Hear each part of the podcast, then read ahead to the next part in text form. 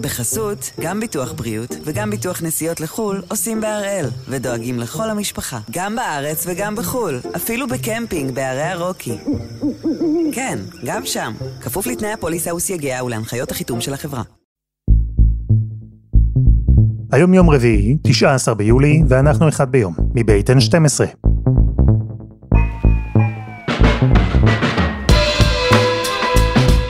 אני אלעד שמחיוף, ואנחנו כאן כדי להבין טוב יותר מה קורה סביבנו, סיפור אחד ביום, בכל יום.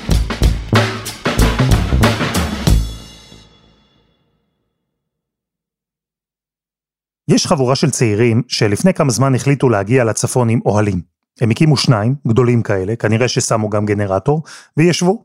ישבו ימים, לילות, אפילו שבועות וחודשים. סוג של חופשה, אבל כזו שעלולה להוביל למלחמה. כי הצעירים האלה, אתם מבינים, הם פעילי חיזבאללה.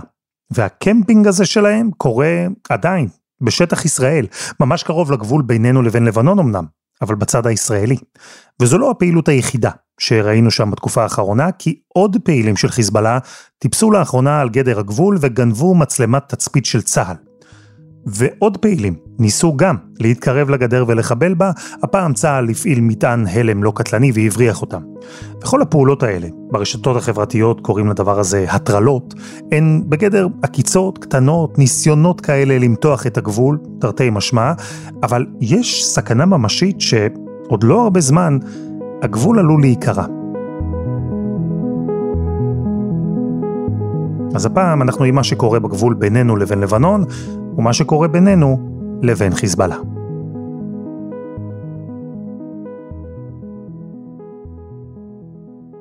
שלום גיא ורון, כתבנו בצפון. שלום אלעד. תגיד, מה הסיפור של האוהלים האלה? חיזבאללה בשנתיים האחרונות הולך ומקים קו מוצבים לאורך הגבול עם ישראל. כמו שלנו יש מוצבים מראש הנקרה ועד אה, החרמון, אה, עם אה, כוחות קבועים, גם חיזבאללה עושה את זה. הוא עושה את זה עם ארגון שנקרא ירוק ללא גבולות, בעצם לכאורה ארגון ששומר על היערות של לבנון, אבל בפועל זה ארגון שהוכח שקשור לחיזבאללה, מופעל על ידה, ובעצם הפקחים שלו הם אנשי חיזבאללה חמושים, והוא הקים מעל ל-30 עמדות כאלו לאורך הגבול, והוא הגיע כנראה להר דוב, ושם לפעמים אם אפשר לתפוס שתי ציפורים במכה אחת, אז אמרו למה שנשים רק את המוצב שלנו על הגדר בדיוק, בואו ננסה לחדור קצת פנימה, אולי בטעות כי הגבול לא מסומן, אולי בכוונה כי הנה אפשר להראות לישראל שאנחנו מצפצפים על הריבונות שלה, ובפועל הוצבו שני אוהלים שחצו את קו הגבול הדמיוני, כי זה לא מסומן בשטח, לא בסימון של גדר תיל או בחומה או בגדר, גם לא בחביות הכחולות של האו"ם, ספציפית באזור הזה. הם חדרו לשטח הריבוני של ישראל כ-30 מטרים, זה קורה מתישהו במהלך חודש אפריל. לא ברור עד עכשיו אם צה"ל ילדה על זה בזמן אמת. האוהלים הוקמו שני קילומטרים מהמוצב הקרוב ביותר, אזור שכדי להגיע אליו בימים רגילים, שחיילי צה"ל עושים שם אה, סיורים כדי לשמור על הגבול, זה פתיחת ציר, זה לוקח לא מעט זמן, וכנראה שלא גילו את זה בזמן אמת, וגם אם ראו אותם מגיעים לאזור, לא היו בטוחים שהם באמת חוצים את הקו הכחול, ולקח כנראה יותר מדי זמן כדי להבין את האירוע, וכשהבינו זה כבר היה מאוחר מדי כדי לפעול בשטח, זה עבר מאז לטיפול הדרג המדיני, אה, משרד החוץ, האו"ם, יוניפיל, וכרגע זה ממתין עדיין לדרג המדיני. אחד אוהלים כבר נסוג, אחר עדיין נמצא ולא נראה שהוא הולך לשום מקום. על איזה סוג אוהלים אנחנו מדברים? כי אוהל יכול להיות הרבה דברים. זה אוהל סיירים גדול, כזה שיודע להחזיק אה, מול איתני הטבע, בטח בקיץ, עם שמונה אנשים, חלקם חמושים. בחורף הרבה יותר קשה ומסובך להיות שם בהר דוב, יכול לרדת שלג, אה, סערה, קר, רוחות מאוד חזקות, אבל כרגע זה נראה שהם מצוידים אה, היטב לחודשים הקרובים. האם זה ייפתר בסוף באלימות, בעימות של אה, כמה שעות או כמה ימים? זה לא ברור כרגע, אבל בהחלט נערכים גם לאפשרות הזאת. זה לא הדבר הכי אינטואיטיבי, ולמען האמת, כן, זה גם קצת מוזר. מצב שבו יש שתי מדינות אויבות, מדינות שניהלו כבר מלחמות גדולות ביניהן, שהיו עשרות שנים בעימות צבאי, שאספו בדרך אין סוף תקריות ביטחוניות, אבל הגבול ביניהן לא ברור ולא מסומן. וזה לא שלא היו ניסיונות בעבר להסדיר את המצב, היו. ובכל זאת, אורנה מזרחי, חוקרת בכירה במכון למחקרי ביטחון לאומי, לשעבר גם סגנית ראש המל"ל, היא הסבירה לנו איך זה שהמצב עדיין כל כך מסובך שם. תראה, היו שני מהלכים שבעצם סימנו איזשהו גבול. אחד היה ב-49, שזה היה קו שביתת הנשק. אחרי אה, שוך המלחמות, מלחמת העצמאות וכולי. והפעם השנייה שסימנו איזשהו קו, זה היה הקו הכחול המפורסם, שעליו אנחנו מדברים אה, כל הזמן, בעקבות הנסיגה הישראלית במאי 2000. היום אה, הזה הוא יום היסטורי, ה-24 במאי 2000. צה"ל השלים הלילה את היציאה מלבנון והשיב הביתה את הבנים בשלום. מה שחשוב בקו הזה, זה שמי שסימן אותו בעצם זה היה האו"ם. ישראל שיתפה פעולה, הלבנונים לא כל כך, ויש שרואים בו אה, רק קו נסיגה, אבל בעצם הוא קו שהוא אה, מקובל מבחינה בינלאומית, והוא קו הגבול, וש... כשהתוו אותו לקחו בחשבון את כל ההיסטוריה של האזור, זה אומר אה, את מה שהיה בקו שביתת הנשק, את אה, המפות הישנות של 1923 ולאחר מכן של החלוקה של ארץ ישראל וסוריה ולבנון בחלוקה שעשו צרפת ובריטניה בעקבות מלחמת העולם השנייה, ככה שיש כן על מה להסתמך מבחינת עדויות. אבל עדיין אנחנו מדברים היום על אה, קו שהוא לא מוסכם לחלוטין בין שני הצדדים. אה, למרות שישראל די מאמצת את הקו של אה, האו"ם, ויש 13 נקודות מחלוקת בין הצדדים לאורך הקו הזה. מה הטענה של הלבנונים? למה הם נגד הקו הכחול של האו"ם? אמרו שבחלק מהמקומות הוא בעצם אה, מעניק לישראל יותר ממה שאמור להיות שלה, וחלק מהנקודות מחלוקת הן נקודות מחלוקת שמשמעותיות גם לנו. אה, למשל בראש הנקרה שזו הייתה נקודה שממנה סימנו את אה, הקו בהסכם הימי, הם טוענים שהמקום שבו נמצא היום מחנה צה"לי הוא בעצם אה, לא מדויק, וחלק מהשטח הזה הוא בעצם שטח לבנוני, ויש כאלה עוד לאורך הגבול, אמרתי 13 נקודות.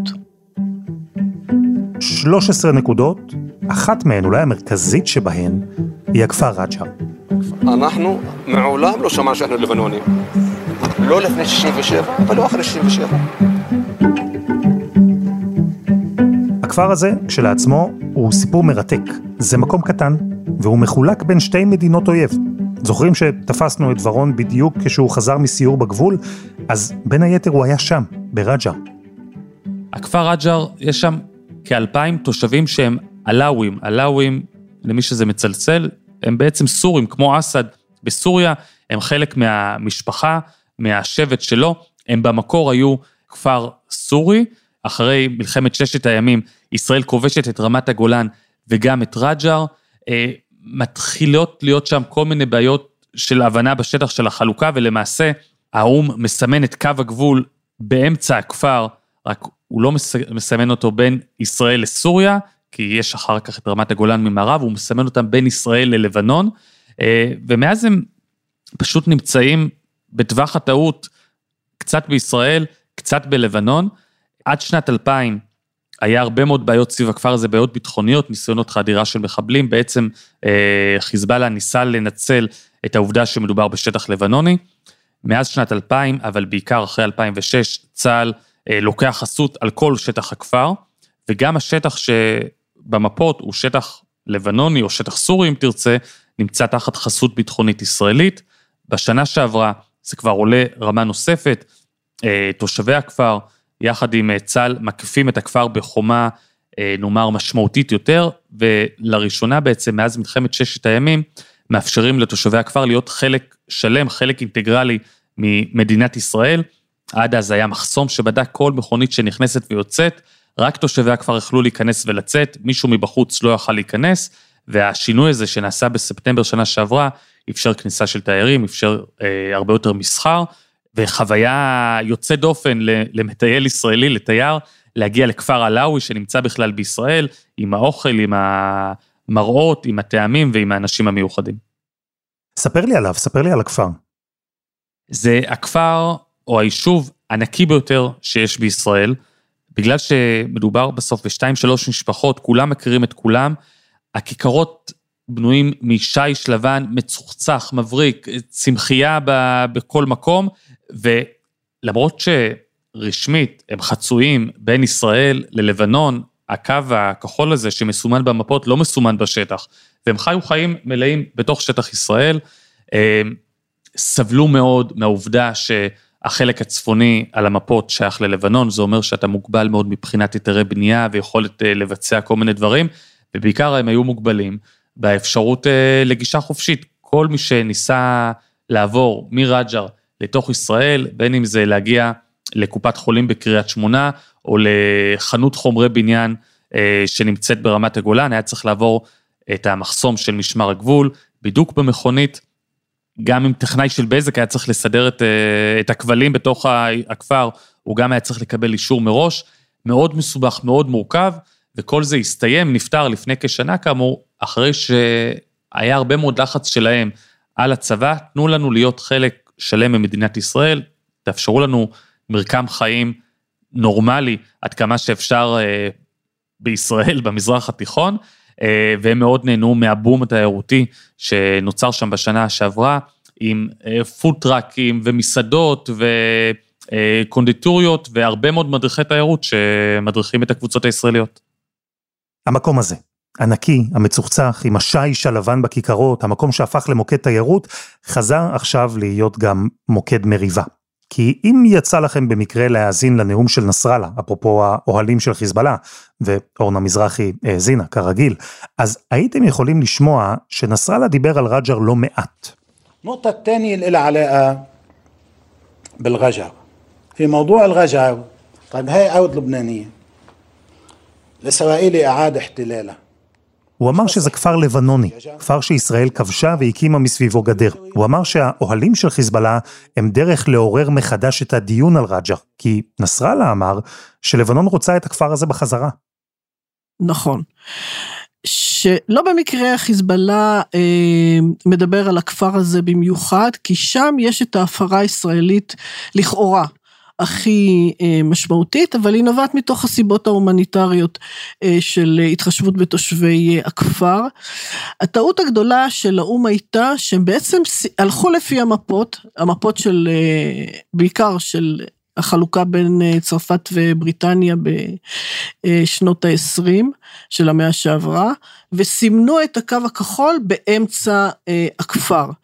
ובזה מבחינת חיזבאללה יש פה כיבוש כן, במרכאות, של הכפר על ידי ישראל, ולכן הוא מצא לנכון לייצר את הקישור הזה שבין אה, הכפר רג'ר לאוהלים שדיברנו עליהם אה, בחודשים האחרונים באזור הר דוב. אז יש גבול, והוא גבול מעט מוזר, עם 13 נקודות במחלוקת וכפר אחד שנחצה באמצע. והאו"ם מעורב, יוניפיל גם שם, אבל שני הצדדים, ישראל ולבנון, מעולם לא סיכמו ביניהם שהקו הכחול הזה הוא באמת הגבול. אורנה, עד כמה הסוגיה הזו מדוברת בלבנון? עד כמה השיח הפנימי שם עסק באופן מסורתי בסוגיית הגבול עם ישראל? מי שמדבר על זה בתוך לבנון זה כמובן אה, חיזבאללה ותומכיו, כי מבחינת חיזבאללה זה הרזון דאטר שלו. העובדה שישראל עדיין כובשת שטחים לבנונים, ככה הוא בונה את המעמד שלו אה, בתוך לבנון, הוא מגן לבנון מפני האיום הישראלי שהיא הכובש של אדמות אה, לבנוניות.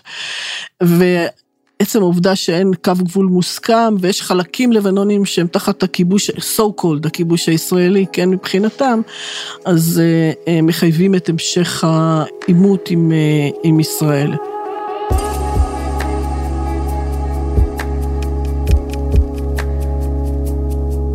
חסות אחת וממש מיד חוזרים.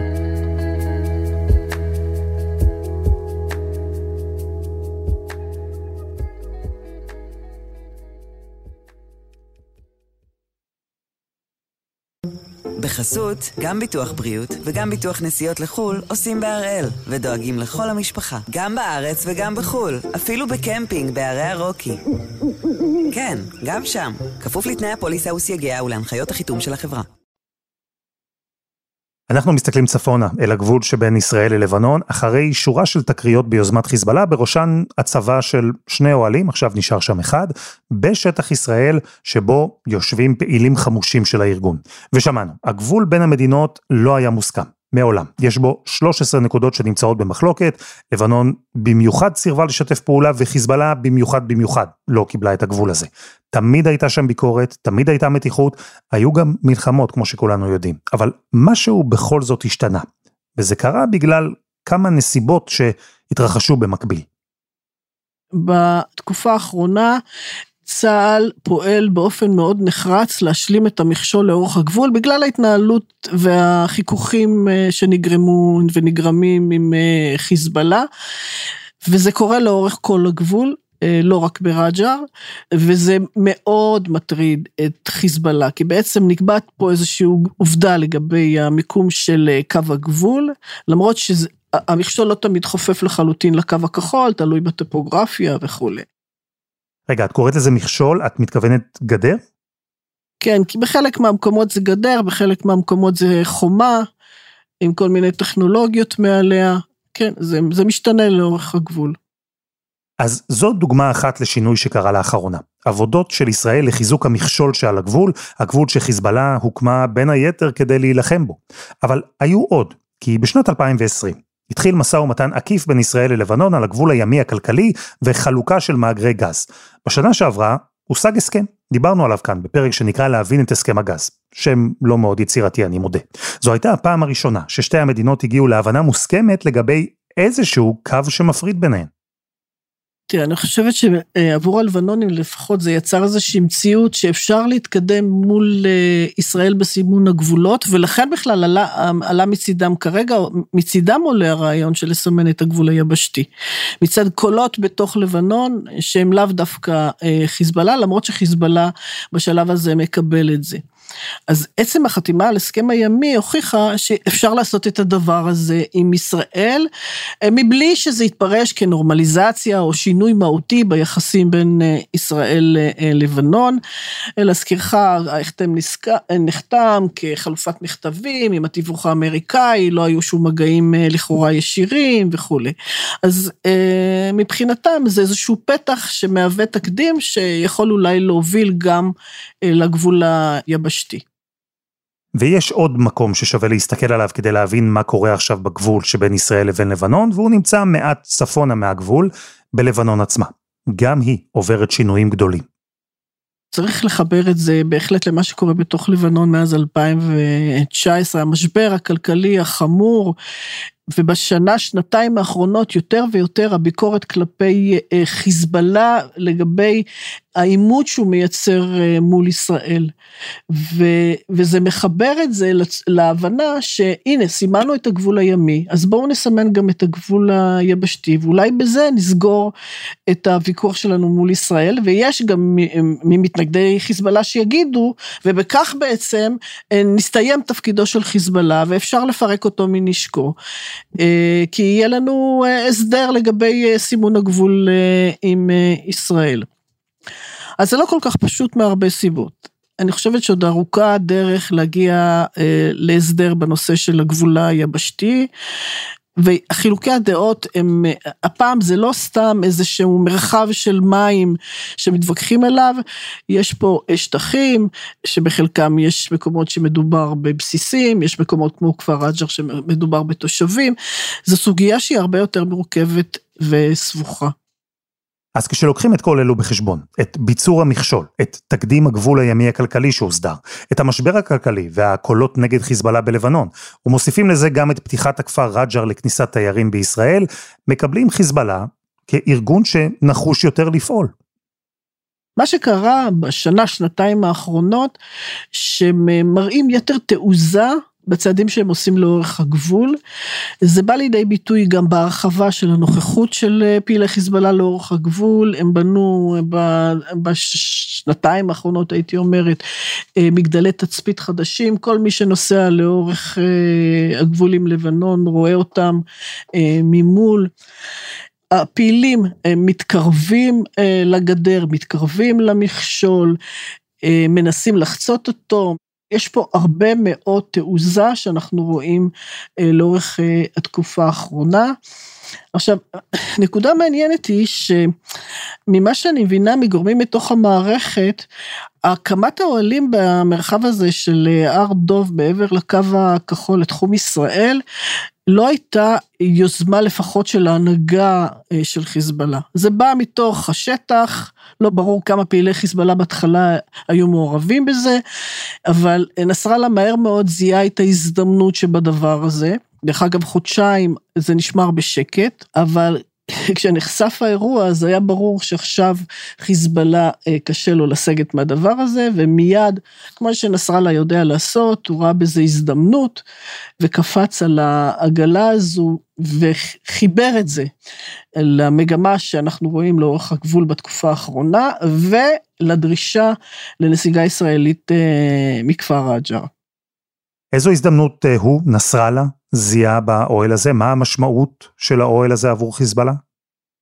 תראה, זה סמל, זה אירוע טקטי, אין לו משמעות צבאית עמוקה, אה, צה"ל יכול בשנייה להעיף אותו משם, אה, וכמובן זה עלול לעלות בחיי כמה פעילי חיזבאללה, שאנחנו מאוד נמנעים מלעשות את זה, כי זה עלול לדרדר את המצב ולעורר תגובה של חיזבאללה. מבחינתו של חיזבאללה זה הפך להיות לסמל, זה סמל שהנה תקענו יתד בחלק שישראל טוענת שהוא אה, שלה, אנחנו אומרים שהוא שלנו, אנחנו מעיזים, אנחנו יכולים, צה"ל חלש, ישראל מורתעת, וזה אחד המוטיבים שנסראללה ואנשיו חוזרים אליהם לאורך כל התקופה האחרונה. אה, אני חושבת שאי אפשר להתעלם מהעובדה שמה שקורה בתוך ישראל אה, מאז אה, אה, הרכבתה של הממשלה החדשה בישראל, מאוד משפיע על הלך הרוח ועל התעוזה שאנחנו מגלים בצד השני. נסראללה פועל מתוך איזשהו ביטחון עצמי, יש מי שיגיד מופרז, אני, אני אומרת מוטעה, כי לחבר את המצב הפנימי בישראל עם היכולת של צה"ל לפעול מולו זה קצת מוגזם. צה"ל חזק, יכול לעשות הרבה דברים נגד חיזבאללה וידו על העליונה, אבל אה, בוא נגיד שהוא נמנע ומכיל את הדברים כדי לא להגיע למצב של מלחמה, ונסראללה מבין את זה. נסראללה מבין את זה ולוקח סיכונים ומהלך פה אה, בין הטיפות אה, בעניין הזה. אז מצד אחד הוא נמנע למתוח את החבל עד כדי כך שהוא ייקרע. הוא כן מגביר לחץ מתוך מה שאת הגדרת ביטחון עצמי מופרז ומוטעה, הפרובוקציות האלה על הגבול הפכו לעניין שגרתי. ראינו גם תקריות חמורות יותר, כמו המחבל עם המטען נפץ שירד מלבנון לצומת מגידו ופצע שם מזרח ישראלי. אז מה בסוף נסראללה רוצה? הערכה די מקובלת שהוא, הוא רוצה שני דברים, הוא רוצה למצב את המעמד שלו בתוך לבנון כמגן לבנון ולהוכיח כמה הוא חשוב עדיין ללבנון, זה דבר אחד. הדבר השני זה מול ישראל. אה, הוא רוצה לשפר את המיצוב שלו אה, מול ישראל, את כושר ההרתעה שלו מול ישראל, להוכיח אה, עד כמה הוא יכול להתמודד ומעיז מולה. ואנחנו, בפועל אנחנו מספקים לו איזושהי הזדמנות לעשות את, ה, את הדברים האלה. ונסראללה כמו נסראללה יודע לנצל הזדמנויות. ורון, עם כל התקריות האלה, ועם ההתפתחויות האחרונות גם בלבנון וגם בישראל, עד כמה מרגישים בצפון מתח ממה שעלול אולי לקרות? המתח מורגש. תראה, בעיקר ברשתות החברתיות, הרבה מאוד fake news שרץ בוואטסאפ, כנראה חלק ממנו גם מגיע בשליחות של אותם גורמים עוינים מעבר לגבול. אה, זה מגיע בדיווחים שלנו, התקשורת, אי אפשר לא לדווח על ירי של טיל נ"ט בשבוע שעבר לעבר אה, גדר הגבול בלבנון. אנחנו זוכרים גם את הירי של הקטיושות אה, בפסח האחרון לעבר יישובי הגליל המערבי, וכל האירועים האלה ביחד, הצבר של האירועים, גם אם זה לא משפיע על התושב ביום-יום בהתנהלות שלו, זה משפיע בראש, זה מזכיר תקופה אחרת, זה מזכיר בטח את המלחמה לפני 17 שנה, אבל גם את התקופה שלפניה, שהיה כאן אה, גבול פעיל עם ירי קטיושות מדי יום, אה, וסך הכל היו שנים טובות מאוד, שקטות מאוד, אבל האווירה בחודשים האחרונים היא אווירה שאנחנו קרובים מתמיד למלחמה, לא בטוח שזה נתמך בחומר המודיעיני, גם הצבא אומר, זה ממש לא הכיוון, אבל זה משפיע על ההתנהלות של האנשים, החשש והחוסן האישי נפגע. גיא ורון, תודה. תודה אלעד. ותודה לאורנה מזרחי.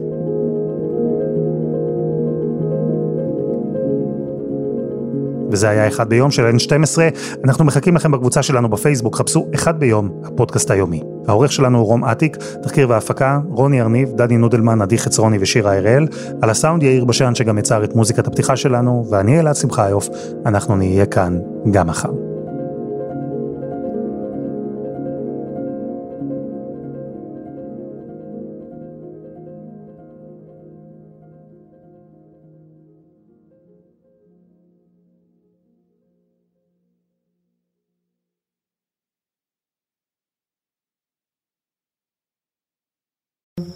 בחסות, גם ביטוח בריאות וגם ביטוח נסיעות לחו"ל עושים בהראל, ודואגים לכל המשפחה, גם בארץ וגם בחו"ל, אפילו בקמפינג בערי הרוקי.